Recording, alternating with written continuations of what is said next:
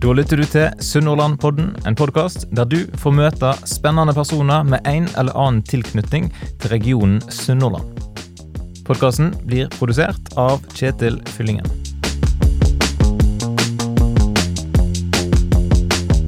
Da har jeg fått ei av Stord sine raskeste damer inn på eh, hjemmekontoret i podkaststudio. Velkommen til Sunnhordlandpodden, Katrine Hillestad. Tusen takk. Det var nå en eh, optimistisk og fin intro. Ja, jeg tenker jo da, Du ser iallfall veldig rask ut på, på Instagram-bildene.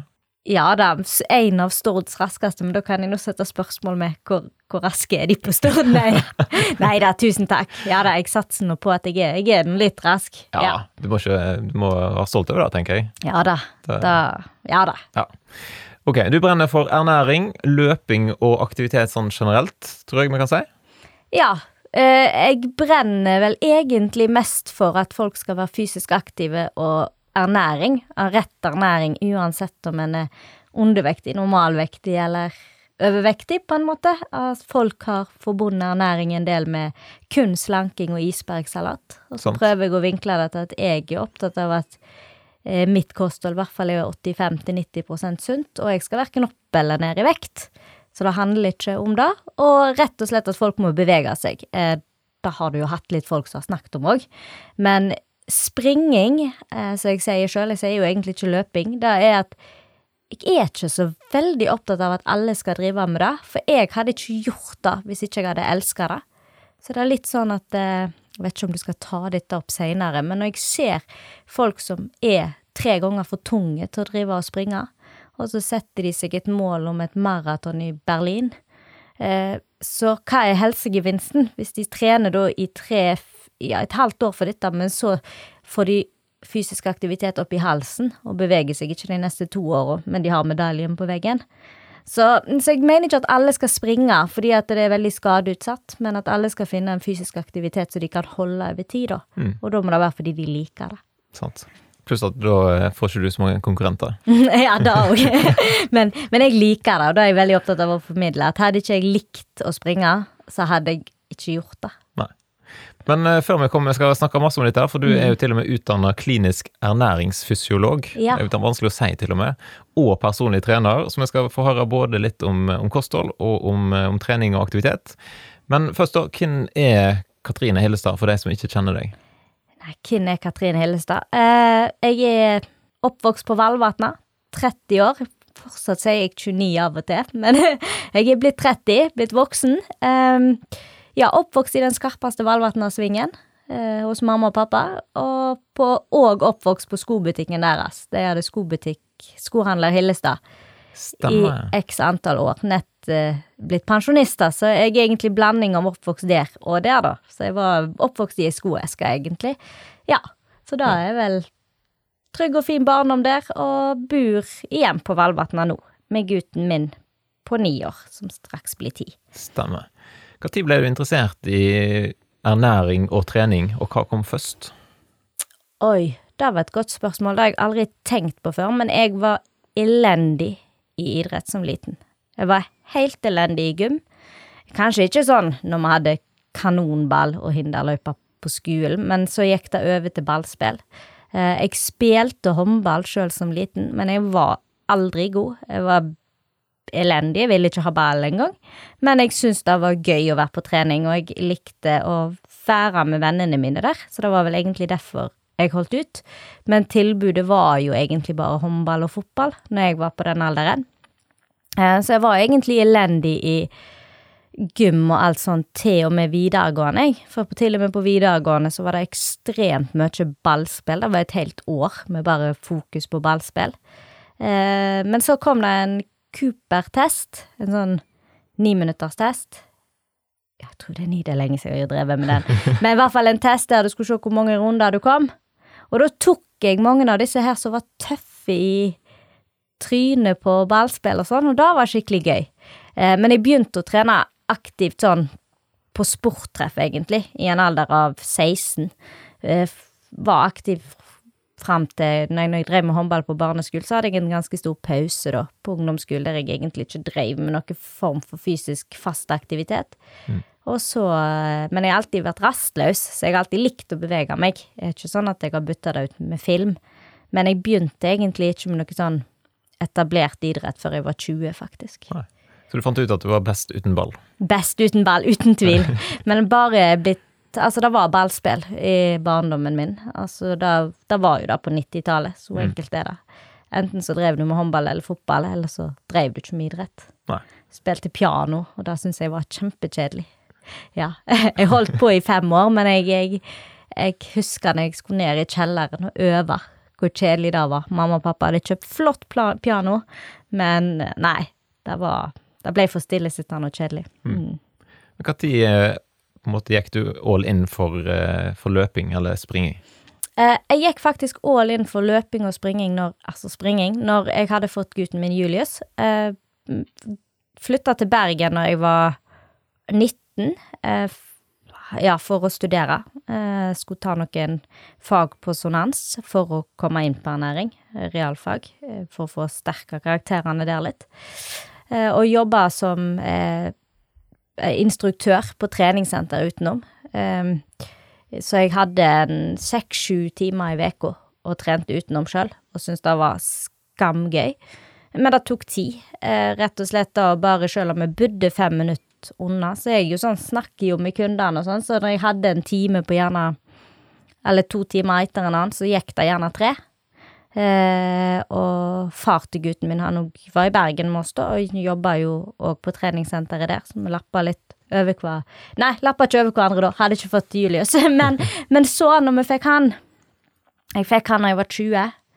Eh, da innså jeg da at eh, det tar litt mer tid eh, å drive på med det treningssenteret, så da begynte jeg å springe, fordi at da tok det den tida det tok fra jeg knytta skoene til jeg var tilbake. Så jeg sa hvis jeg er vekke i 50 minutter, så snur du jo på 25 minutter. Altså det er jo det er ikke verre enn det. Hvis ikke du blir veldig sliten på hjemmeveien? ja, men, men noe i den dur. Eh, så da begynte jeg mer og mer å springe. Jeg hadde alltid jogga litt på mølla og en liten joggetur, men aldri hatt noe perspektiv på tid og distanse og sånn. Så da begynte springinga å ta mer og mer over, og siden da så har det egentlig spist mer og mer av livet. Skal komme litt tilbake igjen til det, for du er jo til og med med i team eh, Skal vi se, hva heter hun igjen? Ingrid Kristiansen. Ingrid Kristiansen. Da tenkte jeg vi måtte si litt om etter kort. Men eh, ernæring og ernæringsfysiolog, da. Hvorfor kom du på at du skulle bli det? Jeg vet egentlig ikke aldri helt hvor det kommer fra. Først så skulle jeg bli dyrlege, jeg, da jeg var liten. Eh, det var i veldig mange år. Jeg skulle bli veterinær. Eh, glad i dyr. Mm, men så skjedde det vel noe da i ungdomstida. En blir mer opptatt av å ete sunt. Det gjelder jo Altså, det skjer et skille der fra ungdomsskole til videregående, når du driver og finner deg sjøl, holdt jeg på å si. Eh, og der er det jo sånn at veldig mange bikker over til motsatt side, og jeg tror ikke ei jente, nå skal ikke jeg stigmatisere jenter og gutter, men at ei jente på Stord kan med hånda på hjertet si at hun aldri har tenkt i den alderen, 16-17, at du ville endre på noe, eller gjette sunnere, eller gjøre et eller annet. Ingen som bare tenker sånn er jeg, sånn, sånn er det ikke. Eh, og jeg var vel òg blant dem. begynte plutselig å tenke veldig på sunt, men gikk aldri over til at det ble noe verre. Men da bygde det seg opp en, en interesse da, for sunnhet, og så har egentlig den bare balla på seg, på en måte. Eh, liker å hjelpe folk, liker å jobbe med folk. Liker å hjelpe folk som har vært syke, altså fikk litt sykdom i familien, som gjør òg at du ser hvor viktig det er med fysisk aktivitet og ernæring og sånn. Og så balla egentlig den ernæringsinteressen på seg, rett og slett. Så den kom sånn snikende. Den var aldri noe sånn Men jeg sa en ei òg jeg hadde sykepleier som andrevalg. Eh, da innser jeg den dag i dag at jeg aldri kunne vært. Eh, eh, men mange grunner til det. De gjør en fantastisk jobb. Men da var det det turnusarbeidet, så jeg tenkte nei, uff, da var vel en av delene som velta der mot ernæring. Så var jeg innom bioingeniør på tankegangen. Så det var den retningen hele veien. Jeg er realist, da. Mm. Trenger realistisk ting. Langt ifra kreativ. Ja. Men den, det er en fem år lang utdanning, mastergrad. Mm. Da tenkte jeg, når jeg eh, gjorde litt research her, så tenkte jeg hjelp meg, det er jo ganske mange år på å finne ut at du bør spise mer grønnsaker og drikke mer vann, liksom. Det... så det må jo være litt, noe litt mer enn det? Ja, det er ikke grønnsaker og vann, og det er jo da veldig, veldig mange tenker om ernæring. At det er sånn Jeg merker det på Stord at det er veldig mange som ikke tør å komme. og De tror på en måte, eller sier at de har gått til en ernæringsfysiolog, for da, det folk knytter det opp til på en måte slanking og kjip mat, og mest sannsynlig går rundt sulten uh, og eter isberg. Men en mastergrad i klinisk ernæring går jo på så mye mer. Uh, første året er grunnfagmedisin, så da tar en på en måte i lag med legene og sånn. Men så går en jo inn på alle disse En blir på en måte en ekspert i sitt felt. Det blir på en måte som en øyenlege, ekspert på øyet, en ernæring er på hva en bør spise, og en lege, de kan litt av alt, men ikke så veldig mye akkurat innen ernæring. Mm, så, så det går jo egentlig på å lære seg alt om kroppen sine funksjoner, og hva en trenger, eh, og hva som er bra hvis en tåler ditten og datten, og ikke, det går ikke egentlig ikke på grønnsaker og sånn, det går på næringsstoff og ja, hva en trenger i kroppen. Og ja. da, da lærer en om i fem år. Nei da, en lærer om det i tre, og så er det litt praksis og sånn òg. Mm. Eh, jeg var inne og leste litt, og der står det eksempel skal du kunne redegjøre for mikro- og makronæringsstoff.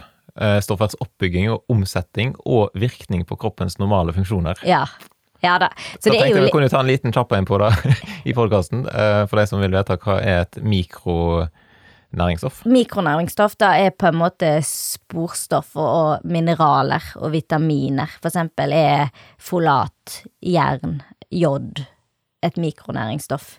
Eh, jod er jo kommet mer og mer i fokus nå på at vi trenger at vi mangler jod her i Norge.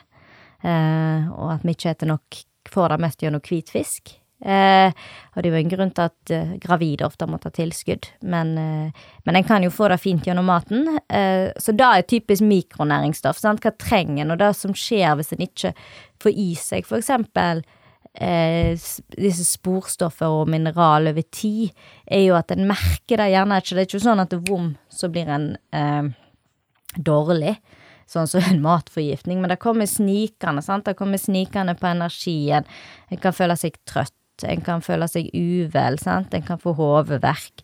Alle disse tingene her, selvfølgelig alle har hodeverk iblant, men, men, hvis sånne ting kommer snikende og vedvarende, så kan det være mangler i kroppen, da, mm. eh, som kan rettes med selvfølgelig Av og til er det tabletter først, men det meste kan på en måte tas opp gjennom kroppen.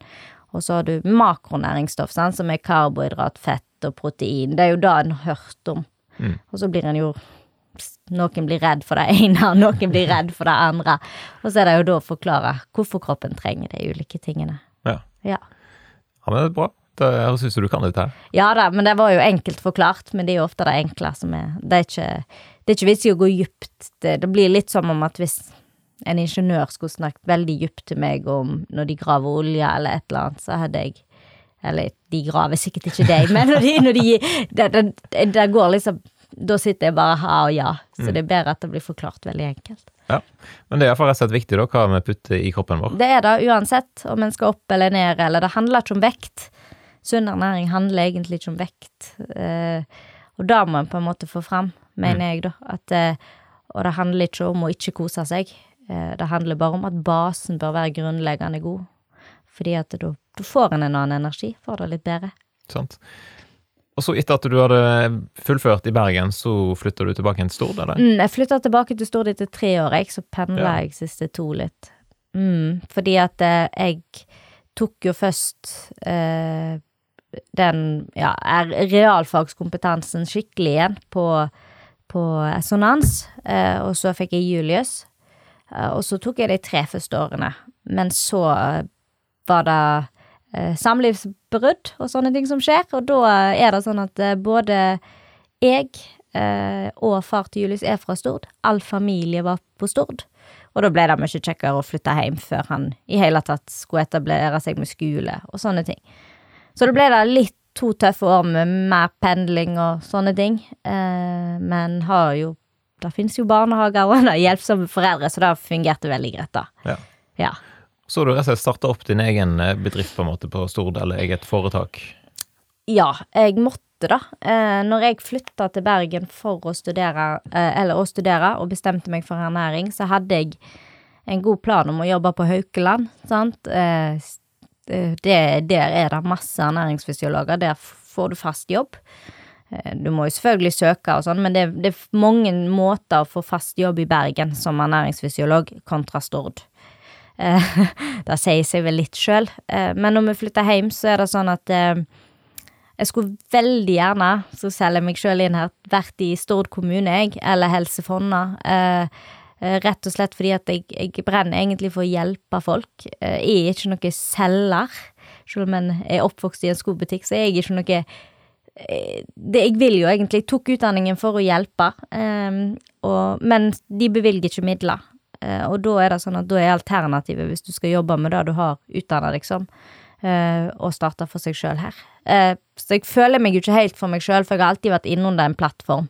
Sant? Først var jeg i Nemus, ja, og nå er jeg i Bedre helse. Så jeg, så jeg har på en måte aldri følt meg helt for meg sjøl, men, men det er jo da en er, når alt kommer til alt. Det er jo et foretak. Men, men igjen, drømmen er jo å komme fast inn i kommunen eller Helse Fonna om så bare 20% Jeg vil alltid drive litt for meg sjøl, for det er jeg jo blitt glad i nå, sant. En blir jo glad i, en får jo en vanvittig variert hverdag, fordi at en en har jo ikke lyst til å bare gå rundt og tvangsfòre folk heller, sånn som en kan gjøre på en viss avdeling, sant, i, på Haukeland. Um, men, men det varierte og det helsefremmede, det er jeg veldig glad i. Men jeg kunne tenkt meg, det hadde vært deilig å ha litt av begge deler. Så jeg er åpen for det. Så hvis noen lytter og har en god eh, eller en rekrutteringsfunksjon inni disse her eh, kanalene her, så er det bare til å ta kontakt med Katrine. ja, veldig gjerne.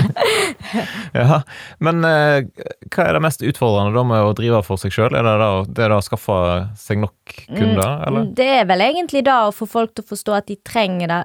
For fysioterapeut blir jo litt sånn eller en kiropraktor, at har du vondt, så går du til det, sant. Altså har du, har du kink i ryggen, så går du til kiropraktor. Um, men ernæring kommer mer snikende. Og så er det, er det litt tabubelagt, så det blir ikke Hvis du har gått jeg sjøl, da, vil jeg tro, hvis jeg hadde gått eh, Hvis jeg går til en fysioterapeut med leggene mine, noe jeg gjør jevnlig, eller, eh, eller akupunktør og får nåler, sant, så snakker jeg jo positivt om det. Eh, det som er med meg, er at hvis folk går til meg Jeg har hatt veldig mange med eksempel irritabel tarm. Eh, eller mage-tarmproblem. Hvis de går til meg og får hjelp, så er det jo ikke sånn at du går rundt og snakker om at før så hadde du løs avføring åtte ganger til dagen, men nå går det bedre. Sant? Så det er jo på en måte mer innpakka at de går til meg. Det blir ikke så snakka om, så fornøyde folk vil gjerne ikke snakke så mye om Ikke det. så Instagram-vennlig. Nei, nei, det er nettopp det ikke er. Så da, da gjør jo at det å få inn folk, og få inn kunder uten å bli en sånn der selger, for det, det er ikke det jeg ønsker å være, sant. Jeg, jeg ønsker jo å hjelpe. Uh, og så er det litt vondt å ikke kunne hjelpe alle.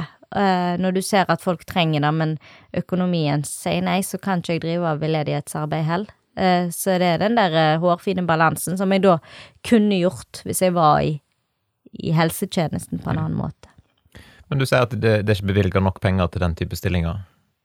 Hva er det som gjør da, på en måte? Er det enklere å skrive ut piller, nær sagt, ennå? Ja, jeg, det må være noe sånt, fordi jeg er, har vært litt innunder kommunen og er litt under sånne oppdrag og dep, har samarbeid med BUP og DPS på Stord, eh, men jeg får, jeg får ikke stilling. Det blir mer et samarbeid, sant. Eh, og det er jo litt Det hvor midlene går, Da, det er jo Det vil jo hjelpe. Altså, de ville jo spart på det på tid. Fordi at du vil jo spare veldig mye unødvendige sykdom og frafall og sykemeldinger og alt dette her. Samtidig som Ja, for sykepleierne og disse, alt fra gamlehjem til sykehus, de kan jo ikke alt. Så bare da å gå inn en dag i veka på sykehuset, for eksempel, hadde jo de tjent på, i stedet for at jeg må drive og fakturere kommunen for ting og tang. Men, men Ja. ja. Sånn, sånn er det. Så jeg, men jeg, det er jo der jeg sier at jeg er bare 30, så om det kommer en stilling om ti år, så er jeg klar, jeg. Sant? Så Med masse god erfaring. Ja, Sant. nettopp. Men eh, Kine, hvis nå, du har nevnt noen som kan ha nytte av eh, å få en konsultasjon med en ernæringsfysiolog, men eh, hvis du skulle si sånn generelt, hvem er det som, som kan ha Nytte av meg, holdt jeg på å si. Nei, det er jo Alle. alle, egentlig, fordi at alle har vel Det kan være selvfølgelig, det er jo sier seg sjøl for meg, men gjerne ikke for alle, at eh, hvis en har et hjerte- og karsykdommer, hvis en har, har diabetes type 2, irritabel tarm, eh, revmatisme eh, Det er kanskje ikke så eh, åpenlyst, men jeg skrev master om revmatisme, så eh, Selvfølgelig, kosthold kan ikke gjøre gull av grå stein, men det kan gjøre mye. Det kan hjelpe. Eh, så det det, det er egentlig de fleste typer sykdommer. Nå har jeg sikkert glemt masse her, men, men det er egentlig ja, kolesterol, sant, det går under hjerte-kar, fedme, undervekt, eh, kreftpasienter. Eh, veldig ydmyk i faget mitt der, har hatt litt eh, foredrag for, på Kreftkafeen. Og igjen, jeg kan ikke kurere eller gjøre hverdagen deres fantastisk, men, men jeg kan i hvert fall prøve å hjelpe til at de får i seg litt som gir de nok næring til at kroppen holder seg noenlunde oppe. Eh, så veldig ydmyk på akkurat den. Skal ikke si at jeg kan gjøre noe med det, men jeg kan i hvert fall hjelpe de etterpå, da, med å få opp litt eh, fettprosent og sånne ting, hvis de har gått ned og sånn under behandling. Ja, Så det er rett og slett ikke bare de som, som sliter med å få sommerkroppen på Nei, plass? de, de kan de, Jeg pleier å si at det er det enkleste jeg har. Fordi at de som bare skal ned, ikke bare, men de som skal ned i vekt en seks til åtte kilo på en stund, da, da er på en måte Det gir jo ikke klinisk ernæring. Det er egentlig bare til å innta mindre enn du forbruker, sant?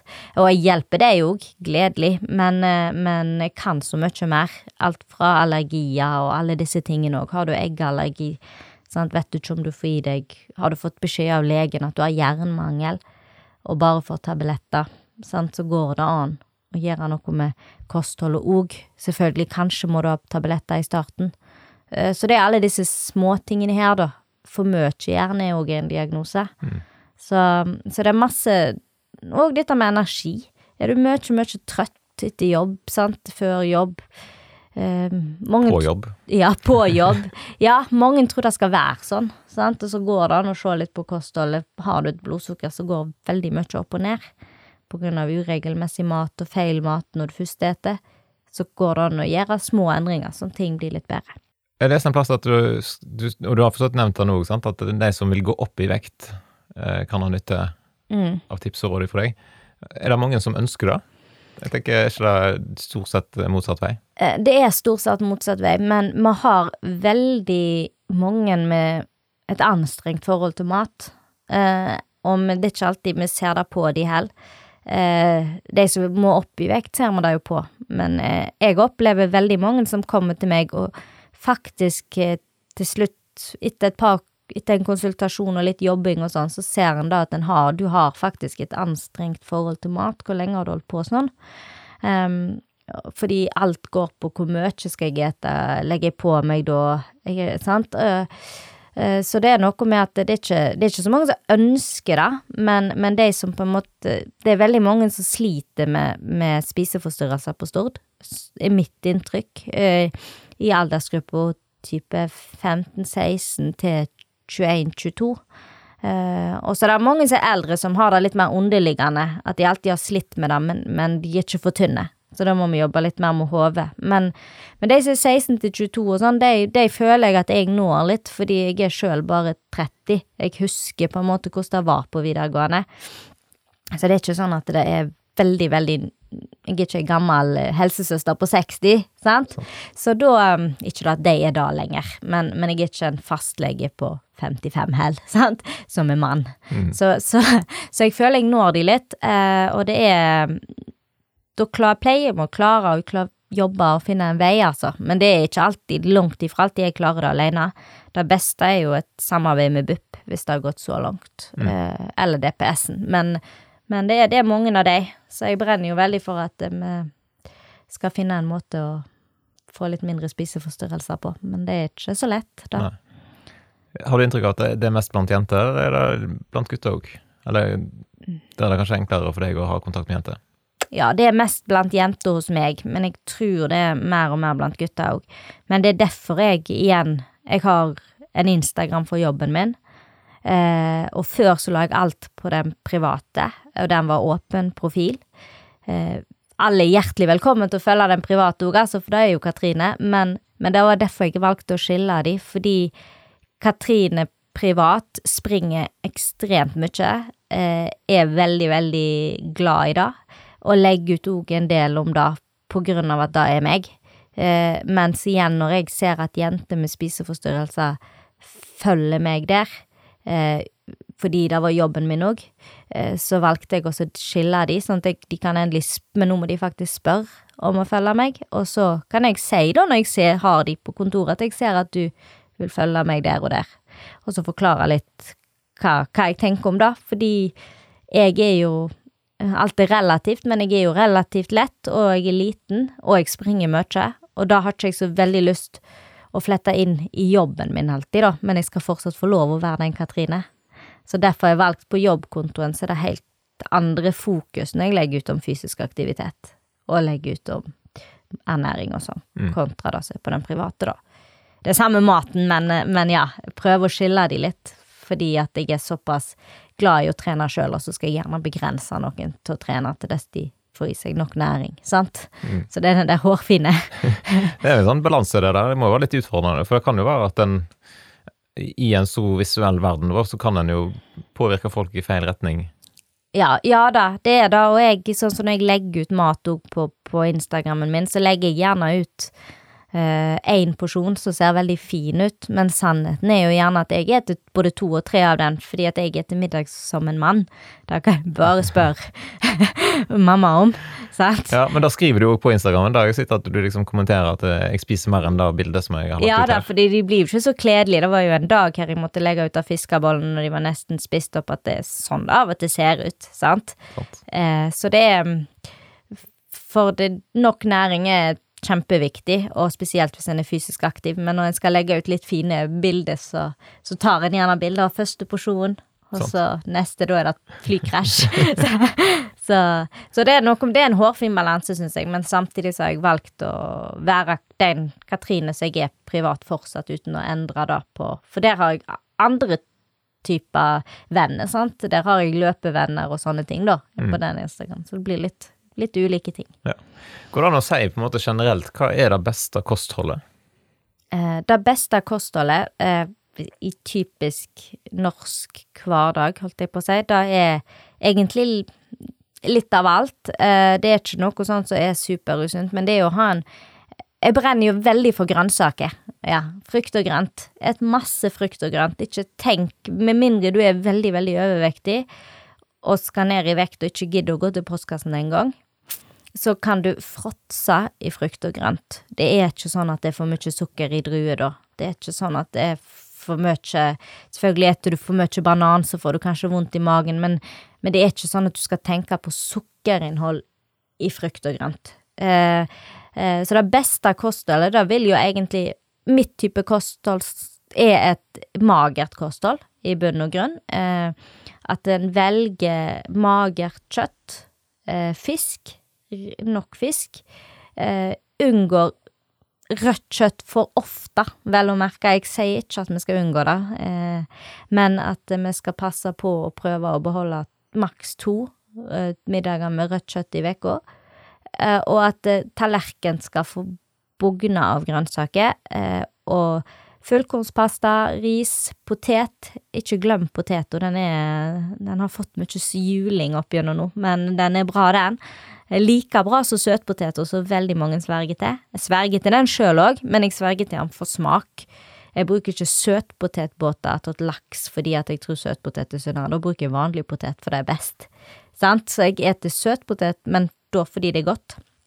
Eh, og så har jeg selvfølgelig litt fett, men helst Altså, jeg bruker lett lettprodukt i fett. Eh, rett og slett fordi at det fungerer best i lag med karbohydrat og kjøtt og sånn, da. Altså, sant? altså går en over til helfett, så blir det litt eh, mye i lag med karbohydrat og sånn, og jeg, jeg brenner for et kosthold der en spiser litt av alt, og da, da går en på en måte for eh, magrere meieriprodukt, men ikke magrere ting som er tilsatt noe.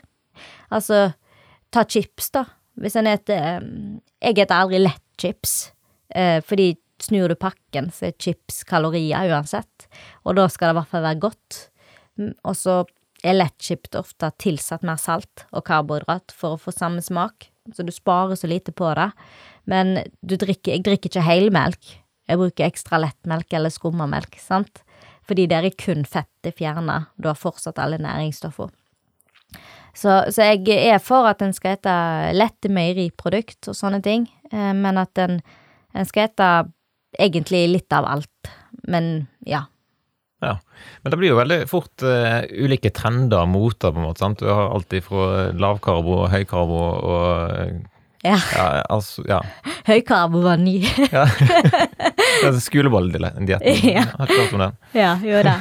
Eh, det er vel syklistene som har den ja, til tider, når de sitter på sykkel. Men hva som gjør at, eh, at det skifter sånn, liksom? Plutselig kan du da ikke spise en potet, eller så bør du spise potet, eller hva? Eh, det er det der karbohydrater, enkelt og greit, som har fått veldig mye tyn fordi de gir blodsukkerstigning og sånn. Så har du disse her Fedon Lindberg og sånne guruer som går ut og snakker veldig negativt om karbohydrat. Eh, men Og folk biter på. Folk biter på alt så de kan gå ned i vekt av. Du hadde en diett som heter Seni òg eh, som var Forever Living. Nå skal ikke jeg henge ut noen spesielle, men eh, nå blir de hengt litt ut. Og det er fordi at eh, da var det få Det kosta vel 1499 for en pakke på ni eller elleve dager. Eh, og da fikk du en pakke med, med noen målebeger og noe aloe vera-juice og litt sånn forskjellig.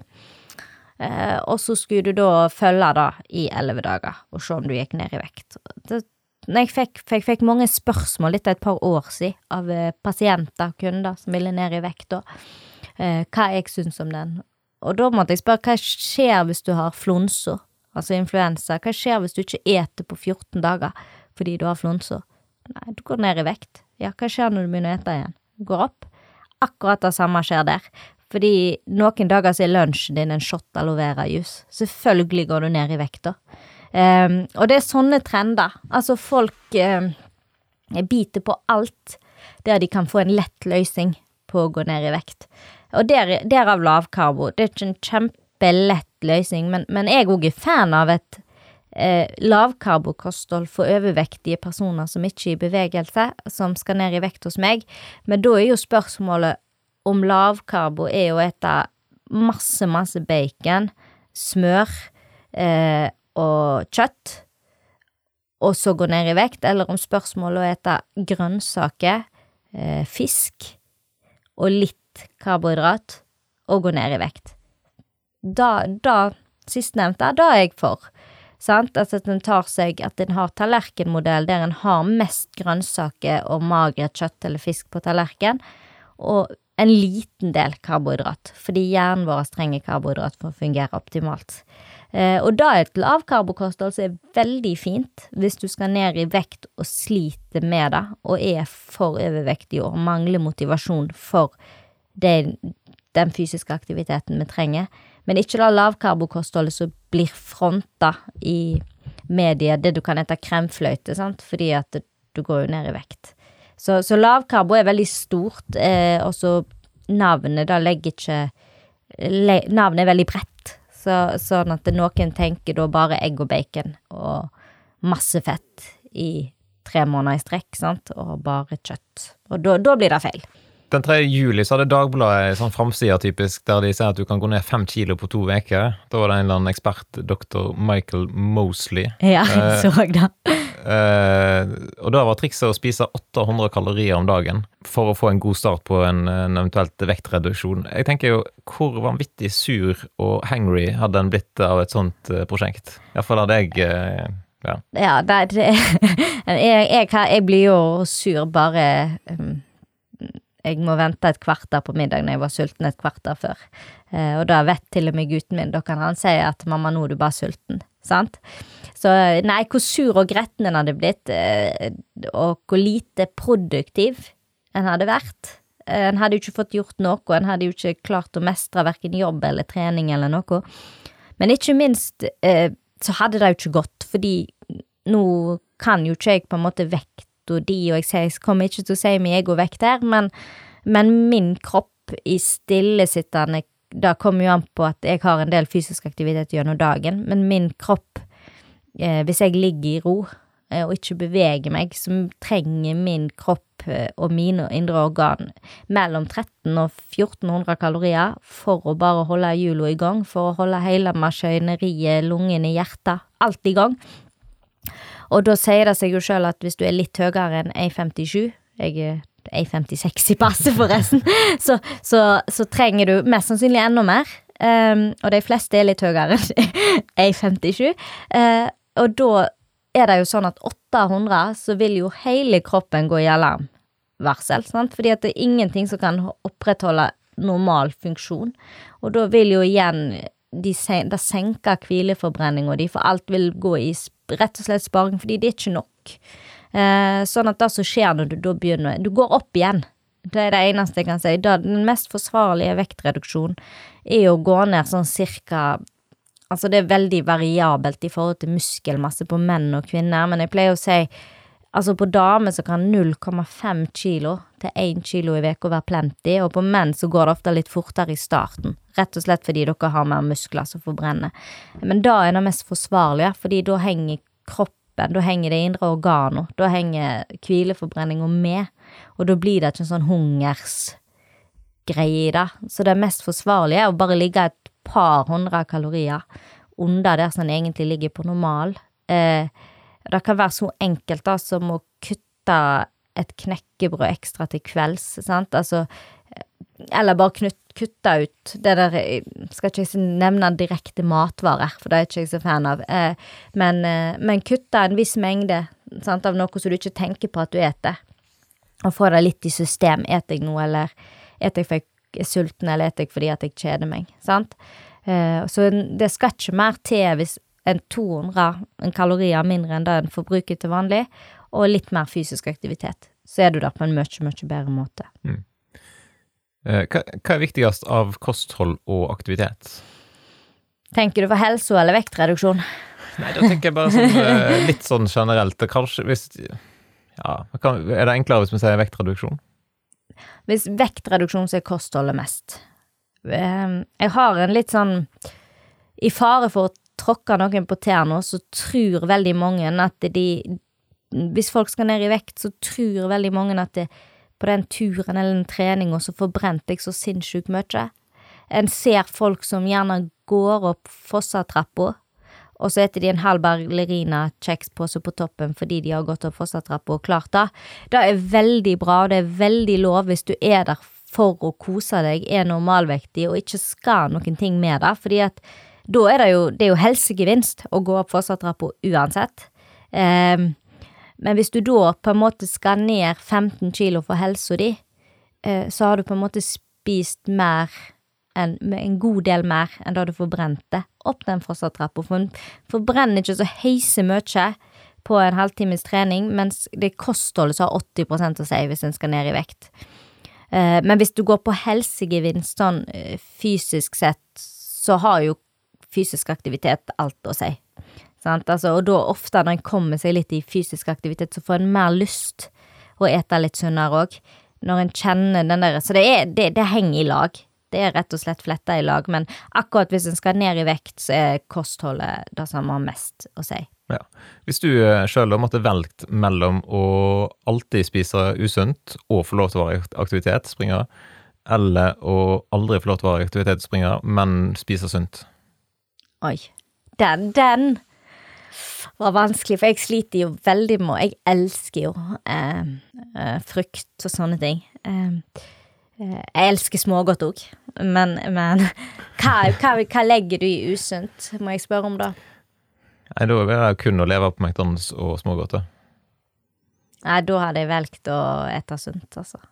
Og droppe springinga, fordi da hadde jeg levd lenger. Nei, det er ikke sikkert det, for jeg har fått sprunget og til McDonald's. det er vanskelig. Det er sånn dilemma som ikke alltid Men jeg, jeg, tror faktisk at det da måtte det ha blitt et sunt kosthold, altså. Fordi at uh, du kan ikke spre... Hvis du skal springe nok i forhold til bare McDonald's og smågodt, så blir du skada. Sånn. så ender du opp med å ikke kunne gjøre noe. Sånn er det. Hva er den mest vanlige på en måte, unnskyldningen du hører fra folk da, som ikke helt klarer å ha styr på, eller, på kostholdet sitt eller aktiviteten sin? Eh, det som jeg veldig ofte får høre, spesielt av de som er voksne og etablert, eh, eh, og det er jo det en selvfølgelig har mest av, det er at de ikke har tid av ungene og jobb.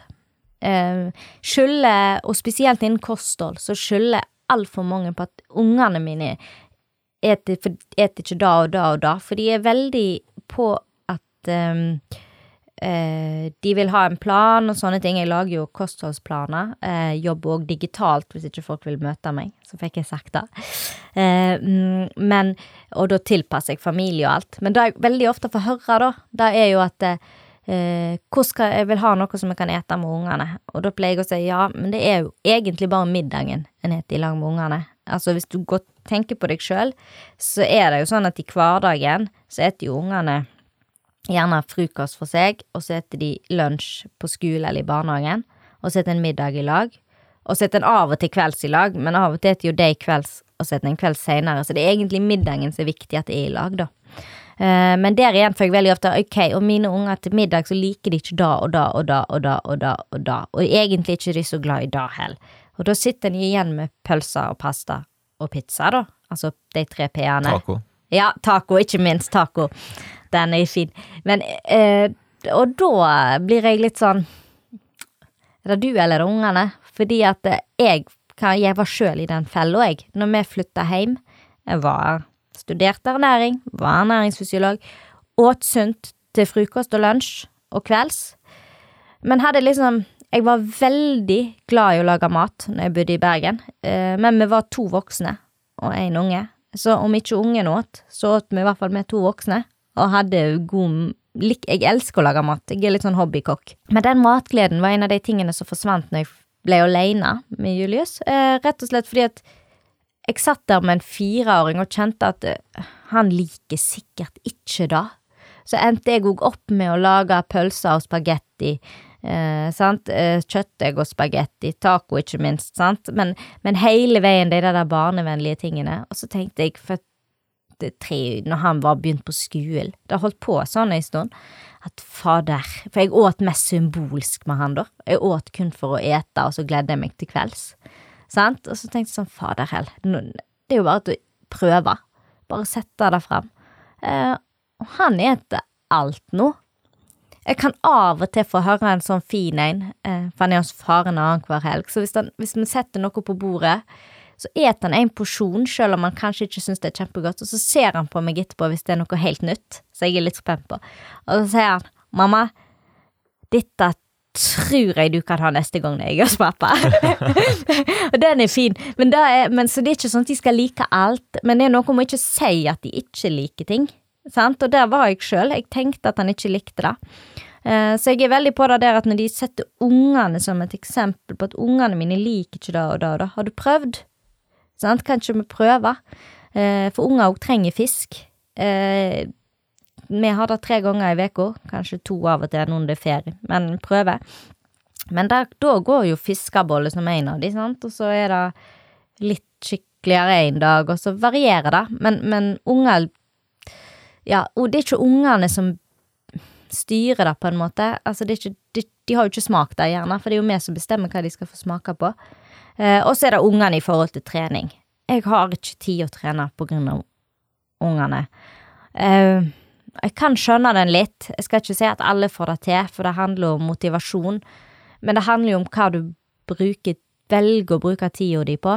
Eh, velger du å legge deg på sofaen etter middag? Veldig mange gjør det. Eller velger du å stå opp litt tidligere og levere i barnehagen, for barnehagen åpner tidlig, og så ta deg en liten joggetur på en halvtime før du skal på jobb, eh, så er jo det supert. Så det er jo noe vi kan velge. Så jeg, liker ikke når ungene blir brukt som en unnskyldning da, for ting en ikke kan gjøre, for da er det stakkar ungene, det er ikke deres feil. Det, det, det er prioriteringer. Mm.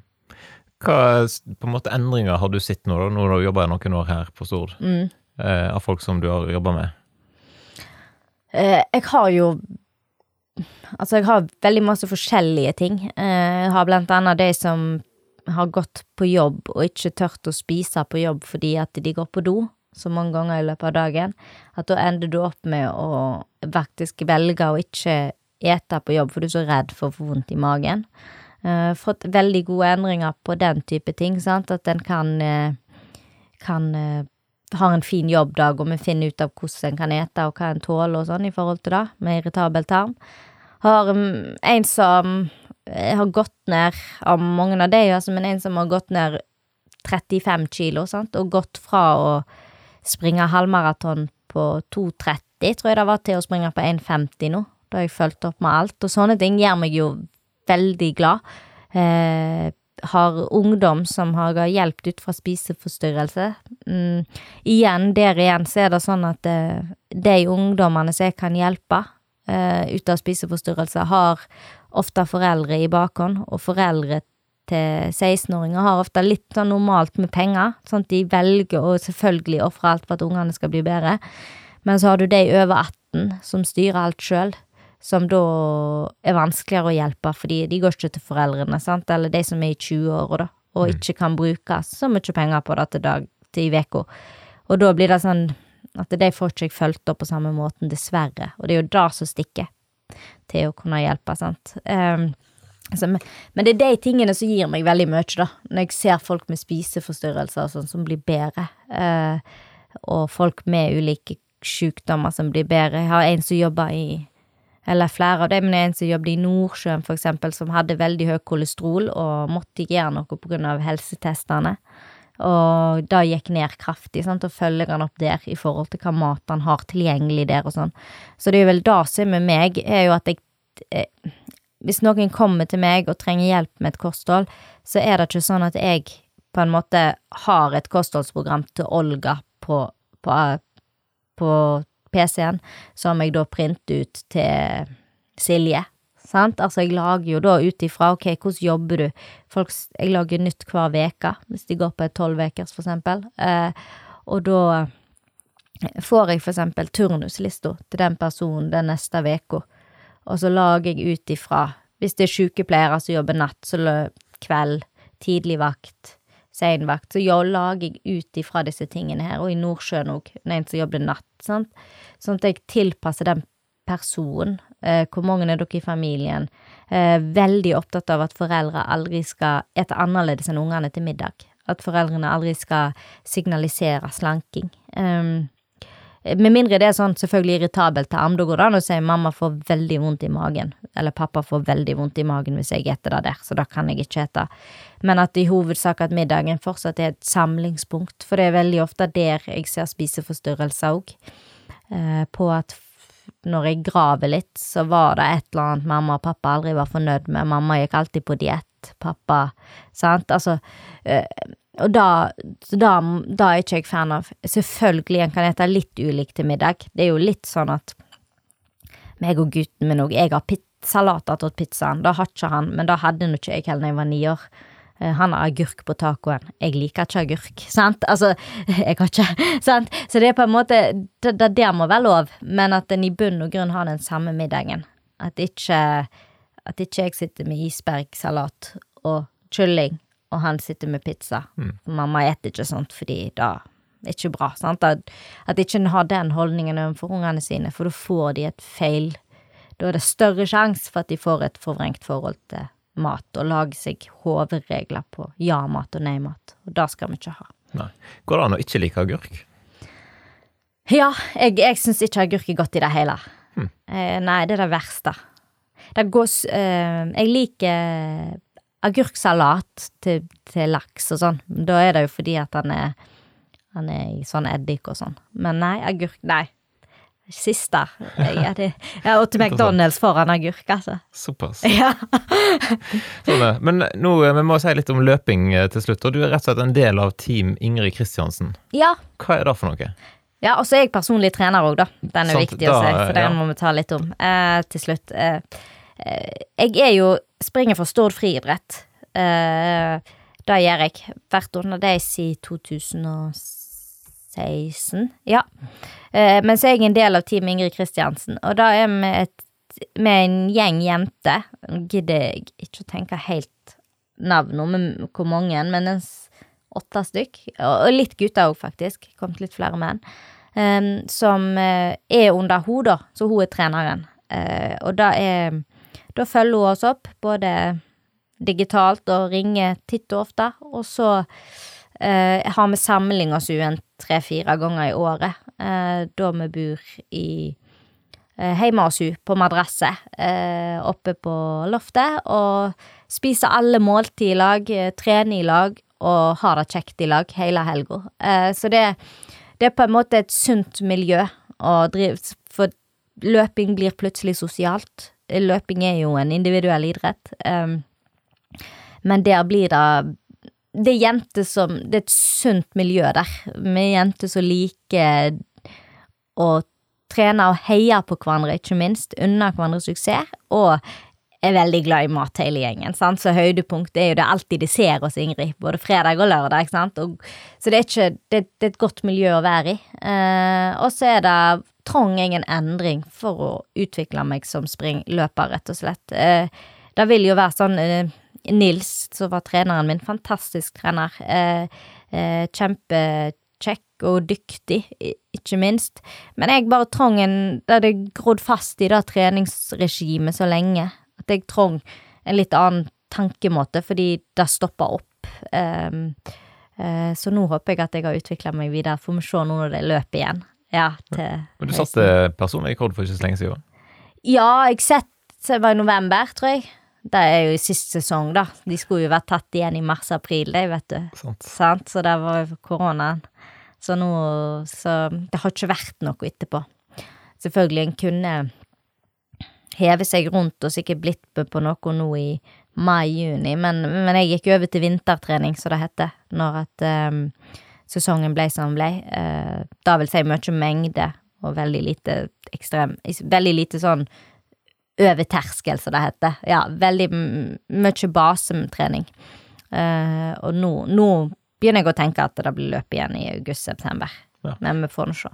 Men hva er målet ditt med løpinga, på en måte? Altså, hva Nei, det er jo å bli så god som mulig. Jeg elsker det jo.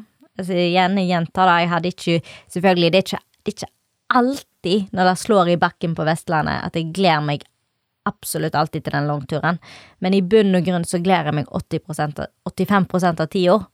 Og det er det som gjør at det er gøy. Sant? Det er ingen idretter der det absolutt alltid er gøy. Det er ikke alle som spiller fiolin heller, tror jeg, som syns det er alltid like gøy å gå ned og øve, men hvis det gir de det det gir når du først står der, sant, så er det verdt det.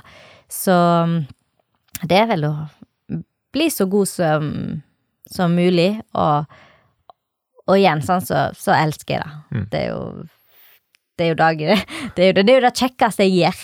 Altså utenom å Selvfølgelig utenom å være mamma og alt det der, sånn, så er det det er det kjekkeste jeg gjør. Og det er jo det jeg prøver å formidle til kundene mine òg, for jeg er jo personlig trener.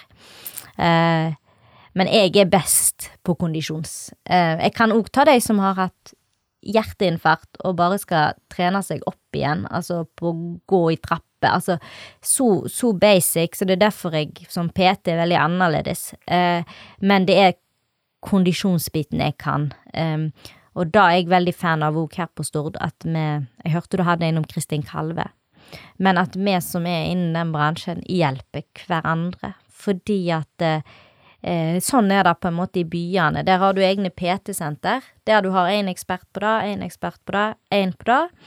Uh, og da er det jo sånn at hvis en person Jeg kan styrketrening òg, altså, men sånn helt generell styrketrening, sant. Men uh, hvis en person hadde kommet til meg og sagt at jeg skal begynne med styrkeløft, jeg trenger en PT.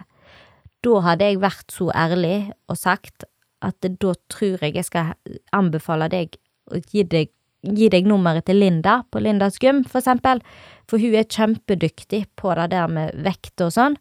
Og så håper jeg igjen da at hun kan gjøre det samme til meg, at kommer det en person til hun som sier at jeg har lyst til å springe mitt første halvmaraton, men jeg vet ikke hvordan jeg skal legge det opp. Ok, jeg er ikke så god på kondisjonstrening, kanskje du skal ta kontakt med Katrine. At det, det blir et sånt åpent om det, for jeg har jo lært om styrke, men det blir jo hva du praktiserer over tid, og hva du brenner for. Så jeg brenner jo for pulsen, jeg, da, og hjertet. Ja. Sånn. ja. Så du var litt, eh, litt småsur når koronaen kom og ødela for Sunnhordland Maraton? ja, den var litt kjedelig, eh, men jeg var mer småsur for at han ødela for Berlin. For jeg skulle vært i Berlin i, i april. Sant. Mm, Palmehelga skulle jeg vært i Berlin og satt ny rekord på halvmaraton. Så da var planen min. Så da, da var vi egentlig Men en så han komme i, i, februar. Så en fikk liksom innstilt seg på at det ikke ble. Mm. Ja. Men mer sur over egentlig alt som ryker nå i høst, at nå er Oslo-maraton avlyst. Så blir jo spørsmål om det blir disse store hytt, kommer hytteplanmila, som jeg pleier å springe, til å bli. Så det er mer de der, at det, hvordan blir høsten? Fordi at nå er vi begynner å bli konkurranseklar igjen. Mm. Ja. Ja, ja. Men så hvis det er noen som lytter som har lyst til å bli med på et maraton, så er det altså deg de bør prate med. Ja, jeg håper da. På Stord så er det vel egentlig meg, da, vil jeg tenke. Fordi at det, det, det, det er de tingene der jeg er god på som PT. Men òg generelt kondisjonstrening, om det bare er for helsa sin del. Men, men eh, at vi bruker hverandre. At eh, PT-ene her på Stord ikke prøver å rå over alt som de ikke kan. Eh, jeg hadde som sagt ikke helt visst hvordan jeg skulle gjøre det hvis noen var supersterke i benkpress, hvordan jeg skulle få de til å bli sterkere. Da måtte jeg ha lest meg opp igjen på nytt. Så dere at dere hadde et prosjekt med adventskalender nå i 2019. Ja, Hvordan gikk det? det var meg og hun Dorota. Ja. Nei, det var bare en sånn gøy ting for å få folk i aktivitet. Eh, Så det gikk veldig bra. Jeg fikk eh, faktisk eh, litt PT-kunder på det etterpå. På folk som hadde sett litt hvordan en er. For det er jo ofte da at de blir litt kjent med oss på en annen måte enn det en blir når en bare leser om det. Jeg kan jo Jeg virker ikke skummel, men men folk kan bli litt skremt. Jeg promoterer aldri mine, ikke da at mine tider er noe råe, men for noen er de jo raske. Jeg prom- promoterer aldri deg når jeg skal ha en kunde, sant, at eh, jeg bruker aldri mine egne, refererer aldri til meg sjøl, fordi at eh, det skal ikke være skummelt å gå til meg som PT, og jeg skal tenke at herlighet, så treg du er. Sant? sant? Det er jo da jeg er der, for den dagen de blir raskere enn meg, må vi bytte rolle. Sant? Så, eh, så det er egentlig da at folk ble litt mer kjent med meg, og at det ble ikke så skummelt lenger, eller sånn uff, hun er sikkert Nei, jeg kan ikke gå til hun med da. Nei, sant? Så jeg fikk litt, litt på det. Ja, Lurt å gjøre ting i, i sammen på den måten. Ja. Vise litt ulike sider av seg sjøl. Yes, Er det andre ting eh, da som jeg egentlig burde kommet innom? Jeg tror vi har vært Jeg tror vi har vært innom det meste, jeg. Ja, så bra. Eh, da rett og slett bare ønsker vi lykke til videre med alt ifra å få folk sunne og friske med ernæring, og til å få folk til å springe fortere. Jo, takk skal du ha. Takk for at du lytta til denne episoden av Sunnhordlandpodden. Har du innspill og tips om hvem som bør være med i podkasten framover, da er det bedre til å ta kontakt. Send en e-post til kjetil.lekenelett.nett, eller søk meg opp i sosiale medier.